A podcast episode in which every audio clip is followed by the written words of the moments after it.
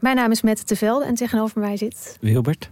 En ik heb vrij veel last gehad van neerslachtigheid, eigenlijk nog steeds wel in het leven. En depressies. En volgens mij gaan we dat proberen op te lossen. We gaan jou redden. En de rest van de mensen. En de toch? rest van de mensen. Ja. Wie redt Wilbert?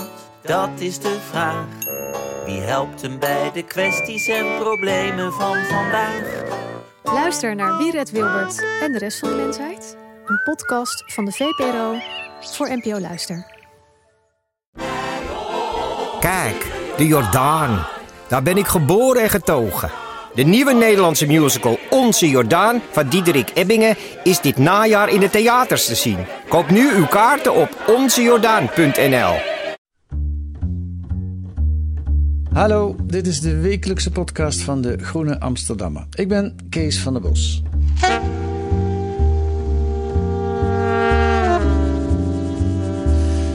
Gesproken zit ik samen met een gast in een studio boven Pakhuis de Zwijger. Maar wat is er nog normaal in deze tijd? Die studio is gesloten. Eigenlijk moeten we allemaal binnen blijven. Het coronavirus verandert ons leven. Verandert het ook de rol van de journalistiek? Daar gaan we over praten met Job de Vrieze. En die is als het goed is aan de telefoon. Dag Job. Ja, daar ben ik. Ja, Hallo. daar ben je. Jij zit thuis in, Am- Hoi. in Amsterdam. Klopt. Eh, en jij bent eh, de wetenschapsredacteur van de Groene Amsterdammer. Ja, zo kun je het zeggen. Ik ben wel freelancer, maar ik ben eigenlijk op dit moment wel min of meer fulltime bezig eh, voor de Groene Amsterdammer. Ja. Ja, ja, je schrijft ook eh, wekelijks en soms zelfs nog vaker, want ook op de site verschijnen tussendoor artikelen van jou over corona. Jij bent wel onze corona-expert. Daar komt het een beetje op neer, ja. Ja. En toevallig ben jij ook nogal deskundig op het gebied van eh, virussen of van infectieziekten. Ja, het eigenlijk komen dit onderwerp heel veel dingen samen in mijn, in mijn achtergrond. Want ik, ben, ehm, ik heb biomedische wetenschappen gestudeerd. Ik ben een, master eh, richting van eh, infectieziekte epidemiologie gaan doen. En toen wetenschapscommunicatie, daar ben ik in afgestudeerd. Dus eigenlijk alles komt er een beetje in samen. Ja, alle aspecten die bij deze crisis aan bod komen, die komen daarin eh, samen. En, en je bent er ook nog een beetje Ja. begin deze maand in de problematiek gerold via je zoontje, geloof ik. Of was het een dochter via je kindje van de kinderopvang? Zoontje. Zoontje. Ja, Vertel eens. Dat wat- klopt, ja. wat- daar heb je ook was over... al wel... een- Ja. Ja, heb ik ook over geschreven. Dat klopt. Eh, ik was natuurlijk al een beetje aan het volgen. Ik had één stuk voor de Groene geschreven toen het nog in China speelde. En nou ja, toen was het wachten op de eerste gevallen in Nederland. Er was geloof ik in... er was één geval geweest. Ja. En er was een tweede geval gemeld. Er was een vrouw in Diemen. Dachten we, oh, dat is dichtbij. En toen kregen wij ineens de melding dat eh, het zoontje van deze vrouw eh, in het groepje zat van ons zoontje. En dat hij ook ziek was geworden. Op het kinderdagverblijf. En nou ja, toen volgde een heel... Op het kinderdagverblijf, ja. En toen, eh, ja, toen volgde een heel weekend van, van bellen en onzekerheid en du- onduidelijkheid. We waren niet eens zozeer bang voor ons zoontje zelf. Want ook wij wisten dat kinderen eigenlijk nooit, vrijwel nooit, eh, ernstig ziek worden. En eh, niet vaak ziek zelfs. Ja. Maar ja, eh, gaat hij misschien oma's, opa's, mijn toenmalige, toen nog op sterven liggende opa, die inmiddels al wel overleden is, eh, die wilden we nog graag bezoeken. Nou, dus dat maakte het allemaal heel onzeker. Maar we, daardoor kwamen we ook echt, ja, en middenin kwamen we er ook achter hoe, ja, hoe chaotisch het eigenlijk ging en hoeveel onduidelijk er was en hoe rigide het allemaal ging te- tegelijkertijd. Ja, want je, ik herinner me nog van dat verhaal dat je ook behoorlijk boos en gefrustreerd raakte. Hè? Ja, wij probeerden erachter te komen ja, wat er speelde en wat naar duidelijkheid te krijgen. We wilden ook graag, net zoals andere ouders, ehm, waarvan het kind waarschijnlijk nog contact heeft gehad met dat jongetje, eh, nou, dat hij getest zou worden. Dat leek ons niet zo gek. Nee. Eh, maar het protocol van de GGD zei, eh, bepaalde dat hij daar niet voor in aanmerking kwam. En uiteindelijk, nou, uiteindelijk liep dat met een sisser af, omdat het jongetje ach, uiteindelijk toch negatief getest bleek. Beetje, ook een beetje een vaag verhaal, maar dat kan. Eh, soms is het, eh, de test niet 100% betrouwbaar. Ja. Maar het bleek uit wel dat ze heel strak aan het protocol vasthielden. En dat wij dachten van, maar je wilt toch gewoon zoveel mogelijk gevallen opsporen nu? In deze, in deze fase van de epidemie wil je alles eraan doen om het in, te, in de kiem te smoren. En die indruk kregen wij in ieder geval niet Nee. op basis van eh, hoe dit ging. Nee. Eigenlijk stuitte je toen al op het probleem wat nog steeds bestaat, dat er eh, heel veel niet, mensen niet getest worden, omdat er te weinig testen zijn, zegt het RIVM, zegt Ja. de overheid. Dat zeggen ze. Ja, het is een beetje een combinatie van allerlei factoren. Eh, er verscheen deze week ook een stuk, volgens mij was het in het AD, waarin werd teruggeblikt op die periode. En toen bleek dat er juist helemaal niet te weinig testen waren. Sterker nog, de machines die draaiden half leeg. Ja. Omdat er, ze waren heel bang dat er te veel eh, getest zou worden. Maar toen werd er zo strikt geredeneerd dat het helemaal niet aan de orde was. Dus eigenlijk hebben ze vooral heel strikt geredeneerd. En wilden ze vooral niet te veel doen. En nu is dat eigenlijk nog steeds ook wel zo. Want er is wel nu een tekort. Ehm, het dreigt een tekort. Maar dat heeft ook wel te maken met beslissingen. Met prioriteiten. En met, ehm, ja, met waar, waar je de strategie op richt. Hm. Zou er meer getest moeten worden? Ik vind van wel. Er zijn allerlei eh, situaties waarin je wat zou hebben aan meer testen. Ja. Alleen al bij mensen met vitale beroepen, niet alleen zorgverleners. Als die thuis gaan zitten met een hoesje, dan is dat heel verstandig. Maar als je ze zou kunnen testen, zou je kunnen weten of ze toch aan het werk kunnen. Ja. Dat alleen al. Ja. Maar ook gewoon maatschappelijk gezien is het gewoon prettig. Eh, voor veel mensen zou het fijn zijn als ze het konden weten of ze het wel of niet hadden. Ook omdat ze dan voorzichtiger kunnen zijn. Ehm, en je wil gewoon een heel duidelijk, zo goed mogelijk beeld hebben van waar, wat er nu gaande is. Dus ook voor de epidemiologen is dit heel fijn. Ja. Zou het fijn zijn. Maar, zegt de overheid dan, er zijn gewoon te weinig testen. Dat, dat kunnen we niet. Ja, maar als je ook ziet in andere landen om ons heen. Duitsland heeft het in razend tempo opgeschaald. Die kunnen nu 160.000 testen per week doen. Een beetje zoals de, Koreanen zijn gaan doen. De Koreanen hebben dat van begin af aan gedaan. Die hadden eigenlijk al een heel leger van reservisten klaarstaan. Eh, waarschijnlijk is dat mede doordat ze eerder met SARS en een ander virus, MERS, te maken hebben gehad. Hebben ze dus een soort van... eh, ja, hebben ze dat allemaal veel meer... Stonden ze daar veel meer voor klaar. Ja, maar, maar, ik maar snap wel dat wij daar Ja. minder ervaring mee hadden. Maar we hadden het wel ook in een later stadium alsnog kunnen gaan opschalen. ja. met andere woorden, je zegt het is ook een, een, een keuze dat we, dat we niet zoveel Ja, het is een beleidskeuze. Ja, Dat is mijn indruk, ja. Nou, daar komen we straks nog op. Even nog, eh, wat, wat is de rol van de groenen, eh, vind jij, in deze eh, coronacrisis? Ik bedoel, we worden overstroomd door alle media met artikelen Ja. over corona, radio en tv. Ik, ik hou Ja. er soms uren mee op om een beetje tot rust te komen, zal ik maar zeggen, want je wordt er ook niet goed van. Ja. Maar heeft de groene nog iets toe te voegen? Heb jij nog iets toe te voegen? Ja, dat, het, is, het is, moet ik wel zeggen, eh, het is wel lastig manoeuvreren. Omdat normaal zou je voor de groene, zeker bij langere stukken, maar ook bij die wat kortere stukken zoals ik ze nu schrijf, zou je wat rustiger de tijd nemen en een beetje beschouwender schrijven. Maar eh, als je hier gaat beschouwen, dan doe je vaak wat langer over. Voordat je het hebt beschouwd, is het alweer verdampt. Ja, Dus je moet alsnog wel meer op de actualiteit zitten. Maar je wil dan toch net iets meer het in perspectief plaatsen. Een, een internationaal perspectief, soms misschien historisch perspectief, eh, iets meer socio, sociaal-wetenschappelijk perspectief. En iets minder dat uh, virologenperspectief wat, wat domineert. ja. Heb ik eh, in veel, niet overal, hè, maar Nee. eh, in de wetenschappelijke eh, stukken. Nou, even eh, als mensen willen weten wat de Groene allemaal doet op het gebied van corona. Op groene.nl is een coronadossier aangemaakt. En dat is ook toegankelijk voor niet-abonnees. En dan valt er te zien dat er toch nog best wel een hele hoop te melden is. Ook door de Groene Amsterdammer, wat niet in andere Ja. eh, kranten staat. En van jou eh, ja, was er deze week een voorbeeld. Dat jij ineens op maandag, was dat geloof ik, met het nieuws kwam. Dat in Noord-Nederland, in Groningen, veel meer getest wordt. Vertel eens daarover. Ja. ja, dat was volgens mij nog korter geleden, zelfs eh, zondagavond. Oké.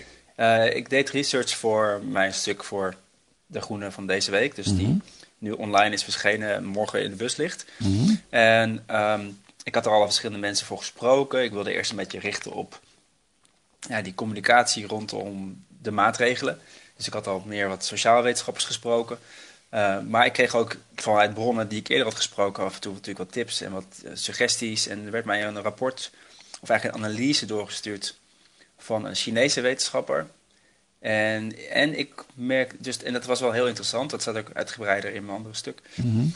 Um, en uh, dat in combinatie met dat ik zag, hé, hey, er is een Groningse arts-microbioloog, een uh, Duitser die al heel lang hier werkt, Alexander Friedrich.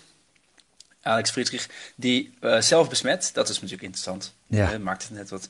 En hij had ook wel eerder wat dingen gezegd in het blad van de Rijksuniversiteit Groningen, ook al wel in het dagblad van het Noorden genoemd. Hij is viroloog zij, aan het UMC Groningen. Ja, nou geen, geen viroloog, maar een arts-microbioloog. Oh, sorry. Die, ja. die zijn ook heel erg expert, maar die worden toch een beetje.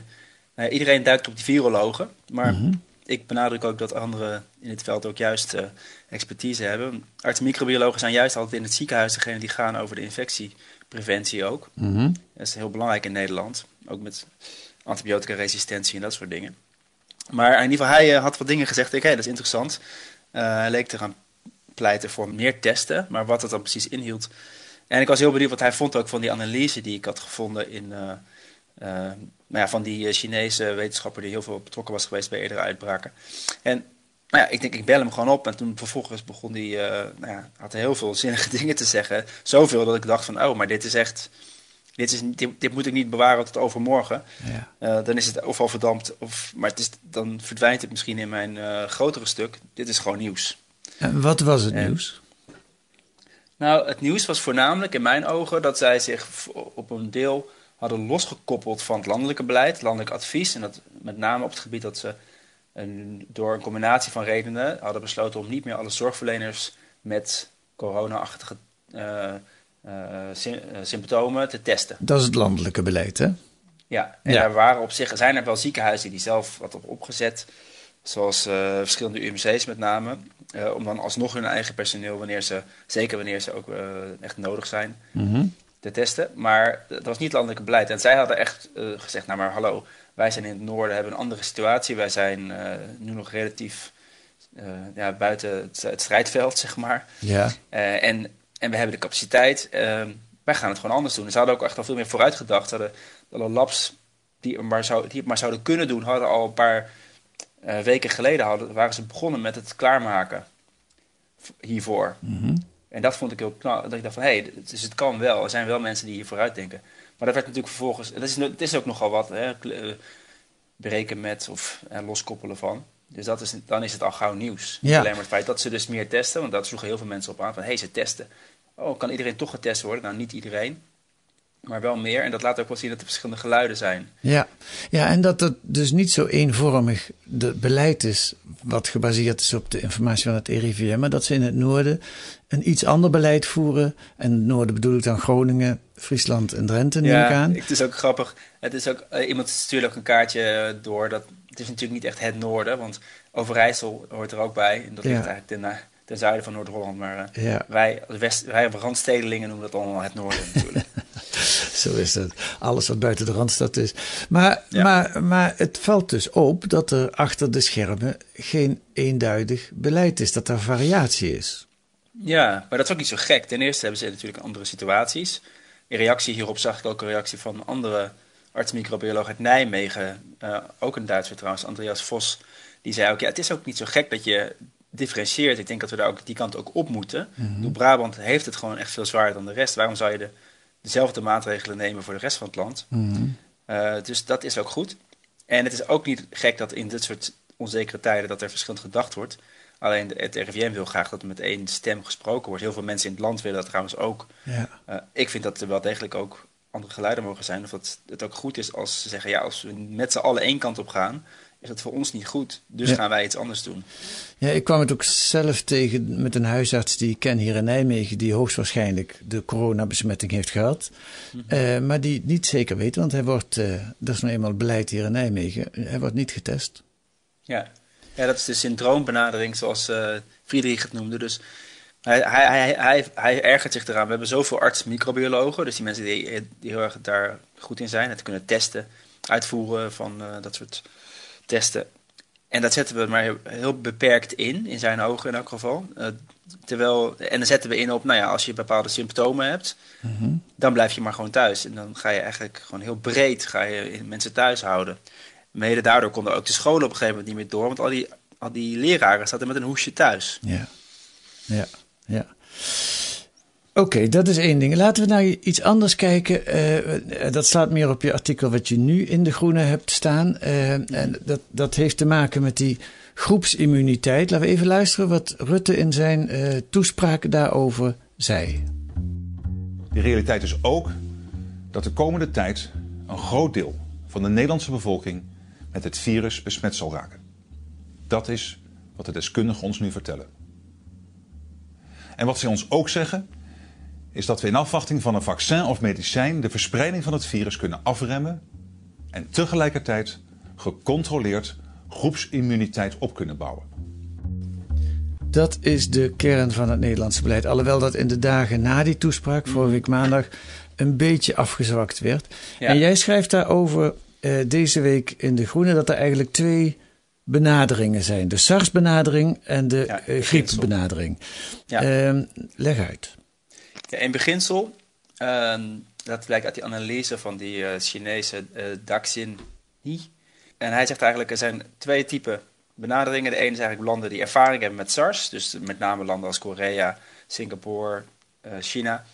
En die, die de SARS-aanpak ha- hanteren. En dat is eigenlijk erop gebaseerd van dat je het, zoals met SARS gebeurd is, als je er maar snel genoeg heel hard bovenop zit. En dan hebben we het niet over lockdowns, maar dan hebben we het over heel snel opsporen, heel snel die mensen isoleren, heel snel verdachte mensen die dus uit een risicogebied komen, heel snel in quarantaine plaatsen voor twee weken. Eh, en dat je dan zou, zou kunnen smoren. Dat is gelukt. Dat is gelukt Dat is bij SARS gelukt. Ja. Ja, en dat was een veel gevaarlijker virus nog. Eh, er zijn ook wel andere factoren waardoor dat zo was, omdat SARS zo snel mensen ziek maakt. Eh, maar zij gingen dus hierop inzetten. Ja. En tot nu toe lijkt dat best aardig te gaan. Al is de vraag hoe goed ze dat kunnen blijven doen. Ja. De andere aanpak is landen zoals Nederland, die met name draaiboeken hebben gebaseerd op griep, omdat ze daar vooral op rekenden. De, de, de volgende pandemie werd verwacht, dat zou waarschijnlijk een griep zijn, zoals in 2009. En die van 2009 bleek heel mild, Eh, wat dan de Mexicaanse griep werd genoemd. Ja. En die draaiboeken hebben we van, van, van stal gehaald. En natuurlijk zijn er wel wat aanpassingen in gemaakt, maar het principe blijft: je gaat ervan uit dat je het niet kunt, eh, in de kiem kunt smoren. Ook al ga je dat aan het begin wel even proberen, dat is in Nederland wel gebeurd. Maar heel snel schakel je over op eh, de schade beperken. Eh, dus het gecontroleerd rond laten gaan en zoveel mogelijk de kwetsbare mensen wel beschermen. En rekenen op die kudde-immuniteit of groepsimmuniteit. Dat, Dat heeft Nederland op zich ook heel eerlijk gecommuniceerd. ja. Alleen het is vrij tricky, eh, omdat er toch nog wel een flink percentage waarschijnlijk behoorlijk ziek wordt. En hoe ga je dat dan controleren? Ja, nou, Rutte zei daar nog iets over, want het alternatief zou dus bijvoorbeeld een lockdown zijn. En wat dat, eh, eh, wat dat voor gevolgen heeft, daar zei Rutte in zijn toespraak dit over. Het derde scenario is dat we eindeloos proberen het virus tegen te houden. Dat betekent dat het land helemaal op slot gaat. Zo'n rigoureuze aanpak kan op het oog aantrekkelijk lijken, maar deskundigen wijzen erop dat het bepaald geen kwestie van dagen of weken zou zijn. In dat scenario zouden we ons land feitelijk een jaar of zelfs langer moeten platleggen, met alle gevolgen van dien. En als het praktisch al zou kunnen om mensen zo lang alleen met toestemming hun huis uit te laten komen, dan nog kan het virus meteen weer de kop opsteken als de maatregelen worden ingetrokken. Ja, dat klinkt vrij overtuigend. Die, Ja. Dat smoren heeft geen enkele zin, zegt Rutte. Want dan, dan, dan, dan doe je dat en dan lukt dat misschien. Nou, in China zitten ze nu in die fase, lijkt het. Maar dan komt er straks toch weer, eh, duikt het toch weer ergens op. En dat is zeker eh, aannemelijk op het moment dat je dus het gewoon op, eh, opheft. Eh, of langzaam opheft, dat, dat kan het weer opduiken. Zeker als elders nog rondgaat. Maar er zijn wel steeds meer eh, stemmen die opgaan. Dat is ook juist wat ze willen proberen in, in, in China. En in andere landen waar, waar ze... eh, nou ja, eigenlijk in die andere landen hebben ze dat eigenlijk nog niet eens hoeven doen. Dus echt een lockdown. Ehm, is dat je eigenlijk hoopt dat je door zo'n lockdown een soort reset kunt doen. Dus dat je eigenlijk weer teruggaat naar terug naar start, zeg maar zeggen. Ja. En dat je dan weer er bovenop zit, dat je dus weer nou, in elk geval meteen hup, eh, contactonderzoek gaat doen. En iedereen die contact is geweest van deze persoon eh, in quarantaine plaatsen. En, en die persoon laten uitzieken en opnemen eventueel. En dat je er dus op die manier bovenop zit. En dat je dan eigenlijk weer opnieuw begint. Ja. Maar dat is wel, dat is ook spannend. Dat weten we dus nog niet. Ook dat is een aanname dat dat zou kunnen. Ja, maar toch maak ik nu uit jouw artikel op wat je nu geschreven hebt, op basis van onder andere die Chinese eh, viroloog, neem ik aan, of Deskundige, in elk geval, Ja. dat, dat, dat, eh, ik proef toch in jouw artikel een pleidooi voor, of, eh, nou wat we nu in Nederland aan het doen zijn, is een beetje een experiment wat, wat, heel gevaarlijk kan uitpakken. Ja, nou ja, dat is wat dus een aantal mensen die ik sprak ook hebben gezegd. Ook een gezondheidseconoom. En die haalde eigenlijk aan, ja, hij zei, het is inderdaad ook spannend als je dus helemaal vol erop inzet. En in de hoop dat je dan daarna weer bij nul kunt beginnen. Maar als je dat, ook als dat niet lukt, eh, die tijdelijke reset, die zou je wel de tijd geven om en meer te leren over het virus. Ook over wat je zou kunnen doen. Ook over eventuele medicijnen die er al zijn, die misschien iets kunnen betekenen. Ook over hoe je gerichte maatregelen kunt nemen. Ik weet bijvoorbeeld, vond een interessante studie, het is maar één studie volgens mij, maar in Japan hebben ze bijvoorbeeld ontdekt dat als je dat binnen in een, in zoiets, een ongeventileerde ruimte, zoals in een metro of een, een concertzaal, dat daar 18 keer meer overdracht is dan wanneer je buiten bent, wat niet zo gek is. Mhm. Ehm, dus dan zou je, als mensen maar genoeg afstand houden, kunnen zeggen, nou, dan, dan kun je wel weer buiten sporten, zolang je niet elkaar om de nek vliegt. Weet je, dat soort dingen kun je ondertussen leren. En Ja. Dus dan, haal je, dan heb je wel een tijdelijke, tot op zekere hoogte, een lockdown. Hè. Dat kan ook regionaal, dat zou ook eh, op een andere manier kunnen. Dat ook wel een beetje wat we nu doen natuurlijk, is ook een, beetje een lockdown. Ja, maar we dan, gaan, we gaan dat wel je lang- daarna, Ja. daarna gewoon slim beleid hebt. Ja. Dan, dan ga je verder terug dan wat we nu... Nu hopen we vooral dat de ziekenhuizen niet overspoelen. Want dat is eigenlijk het doel van ons huidige beleid. Ja, maar, maar je, je- je, je formuleert het voorzichtig, maar begrijp ik nu uit jouw woorden dat je eigenlijk vindt dat die keuze voor die scenario met die groepsimmuniteit, dat dat geen slimme keuze is? Ik denk dat daar heel veel mensen het al, al, al wel over eens zijn... dat het voor die groepsimmuniteit dat het, dat het gewoon riskant is.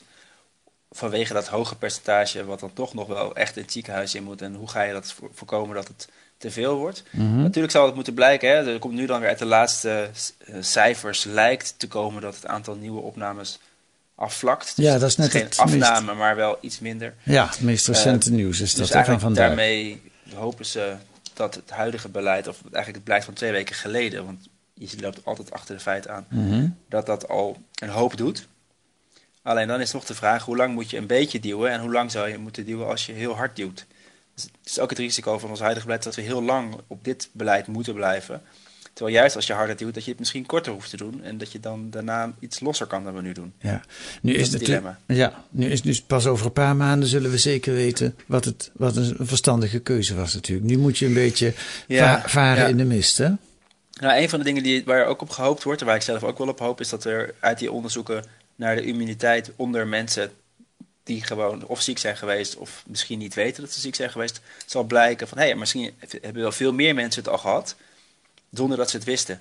Hm. En dat er dus al wel stie- stiekem al, al veel meer groepsimmuniteit is, ja, dan kun je daar weer wel op in. Ja. Alleen er, er was gewoon echt nog veel te weinig bekend om op die strategie vol in te zetten. Ja.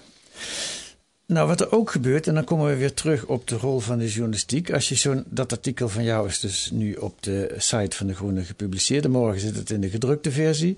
Ja. Eh, een paar uur geleden eh, twitterde Marietje Schaken, oud D66-politica, eh, heel kritisch over jouw artikel. En ze schrijft opmerkelijk dat de Groene op een moment dat de strijd om het verhaal over corona, net als het virus zelf, woedt, de China Daily aanhaalt. Zonder te melden dat dat de spreekbuis is van de Communistische Partij.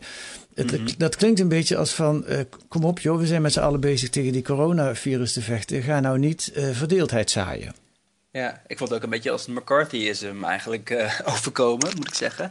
Zo van, ik word een beetje van communisme beticht. Ten eerste denk ik dat iedereen in Nederland weet dat de China Daily sowieso een eh, krant in China is. Dus dat dat, dat dat een Chinees verhaal is, dat snappen we. Want iedereen weet dat er, dat er geen echte persvrijheid in China is. Ja. Ik weet dat deze meneer zelf dit heeft geschreven in eerste instantie. Het zal dus ook wel door de, door, door de censuur heen gekomen zijn. Maar Vast. dat heeft hij onder, onder collega's in het emergency eh, outbreak wereldje. Dus mensen die echt eh, zich altijd bezighouden met dit soort noodsituaties. Heeft hij het verspreid op verzoek. Mhm.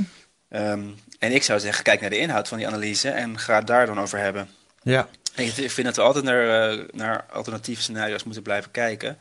Niet om te zeggen we moeten iets anders, maar eh, ja, je kunt één weg inslaan. Misschien is het wel de verkeerde weg, ja. Misschien moeten we dat dan toch bijsturen eventueel. ja. Maar het geeft aan in welk spanningsveld jij momenteel schrijft. Of überhaupt Ja. iedereen. Hè? Dat, je- dat je. eh, het is toch een beetje een oorlogsachtige situatie. En we moeten met z'n Ja. allen samen de schouders eronder. En Ja. wat is dan nog de ruimte voor een kritische journalist? Ja, die is, die is, het, is, het is echt een beetje uh, koorddans af en toe. Het is, eh, want ja, je, ik, ik ben me ook heel bewust van die verantwoordelijkheid. Dat je niet alleen maar verwarring wil zaaien of eh, re- rebellie. Mhm. Eh, tegelijkertijd wil je wel degelijk ook de, de waakhondfunctie volhouden. eh, juist in, want er wordt dan vaak gezegd, ja, het is zo onzeker, er moet gewoon gekozen worden en dan moeten we dat gewoon gaan doen. Ja. Maar als je een bepaalde keuze maakt, kun je altijd daarbinnen nog bijsturen. Je kunt ook zelfs nog daarbuiten bijsturen. We zijn nu strenger aan het wo- worden in het beleid. Moeten we dan niet nog een tandje erbij of een tandje eraf? Da- daar moeten we het toch over kunnen hebben, zou ik zeggen. Ja. Maar er is eh, heel erg een soort ehm, neiging, niet bij iedereen, maar om te zeggen, nou, laten we dan maar vooral gaan duiden en, en uitleggen en niet te veel kritische vragen stellen, want daar hebben ze geen tijd voor. Of daar moeten we hen niet mee belasten of we moeten niet het gezag eh, gaan, gaan afvallen. Ja, nou laten we aan het slot nog één keer luisteren naar Rutte en kijken wat je daarop te zeggen hebt. In de wereld van vandaag zijn nieuws en informatie sneller dan het licht. En is een mening ook snel gegeven. Ik begrijp dat. Maar het antwoord op alle vragen die leven begint bij de kennis en ervaring van deskundigen. Laat ons daaraan vasthouden. Aan deskundigen als Jaap van Dissel en zijn collega's binnen en buiten het RIVM. Virologen, intensive care artsen en andere specialisten. Hun advies is vanaf het begin leidend geweest voor alle maatregelen die tot nu toe in Nederland zijn getroffen. En het is belangrijk dat we op dat kompas van wetenschappelijke kennis en betrouwbare feiten blijven varen. Tot zover Rutte. En als ik dan tegen jou zeg, Job, en dan moet je niet aankomen met een Chinese wetenschapper die ons beleid eh, in twijfel trekt, wat zeg je dan? Ik vond het juist wel mooi dat hij, eh, dat hij hier ook de, eh, die, die eh, intensive care artsen en de andere deskundigen noemde, die juist ook kritisch waren geweest op het beleid. Ik dacht, ergens geeft hij hen toch ook een beetje krediet. En juist in dit soort tijden van onzekerheid hoort het erbij dat deskundigen, omdat het zoveel onzeker is, ook verschillende perspectieven hebben en die kunnen op verschillende analyses uitkomen. En ook inderdaad, wij hebben ook een culturele bias, als het ware, dat we, en die kan ook tegen ons werken. Dus Ja. door hoe wij het doen. En, het wil niet, en de manier waarop wij het doen is niet per se, per se voor ons de beste manier. Nee. Dus soms is het juist ook goed om eh, in dit geval een buitenlandse, in dit geval een Chinese, eh, of iemand met een ander soort ervaring erbij te halen. Ja, het, was, het was niet eens zozeer, denk ik, ik vond het vooral interessant hoe hij deze indeling maakte. En, en dan nog niet eens zozeer dat hij, eh, wat, wat hij daarmee betoogde, maar vooral van, oh, dus het verkla- dat verklaart heel erg onze aanpak. Ja, ja. Maar het, het, het, het verhaal daarachter is dus eigenlijk van de wetenschap bestaat niet. Er, is, er is in de wetenschap zijn er ook heel veel meningen. Ja, of en meningen, ik- dat is verkeerd gezegd eigenlijk, zijn er ook heel veel verschillende onderzoeksgegevens. Analyses, En ja. analyses. Ja, en, en ik, ik vind het zelf altijd interessant om niet alleen de gevestigde orde van wetenschappers aan het woord te laten, maar juist ook anderen die echt heel goed ingewijd zijn, maar net een ander perspectief hebben, die, die houden de boel ook scherp. Ik kan niet in mijn eentje de- alleen maar de moeilijke kritische vragen blijven stellen. Ik ben wel enigszins deskundig, maar niet zo deskundig. Maar dat, die mensen zijn heel waardevol, ook juist in zo'n discussie. Die kunnen ons waarschuwen van, hé, hey, maar ho, ze vergeten nu dit mee te nemen. Of, eh, het is echt zo'n multidisciplinair onderwerp, daar moet je echt zeker niet aan, aan een klein clubje overlaten. Nee. Nou, wij, wij, ik hoop dat jij blijft volgen, Job. Wij blijven jou eh, volgen. Eh, Job de Vries, dankjewel voor de toelichting. Graag gedaan.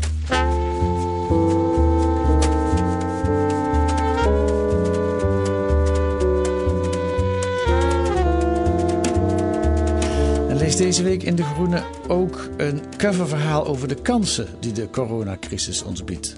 Kunnen we na deze crisis een meer duurzame economie opbouwen? En we beginnen met de Decamerone 2020. Elke week schrijft een Nederlandse schrijver speciaal een verhaal om de quarantaineverveling te bestrijden. U kunt dat lezen in De Groene of met een proefabonnement. Ga dan naar groene.nl. Dan wordt u uitgelegd hoe u voor 15 euro 10 weken De Groene kunt eh, krijgen. En dat coronadossier kunt u dus sowieso, ook al bent u geen abonnee, eh, bereiken via groene.nl. Volgende week zijn wij er weer met analyses en achtergronden bij het nieuws in deze podcast van de Groene Amsterdammer. Deze week werd de podcast gemaakt door Daan Stoop en Kees van der Bos en met dank aan Gerry, de technicus van RN7 hier in studio in Nijmegen. En de muziek is A Tune for N van Paul van Kemenade.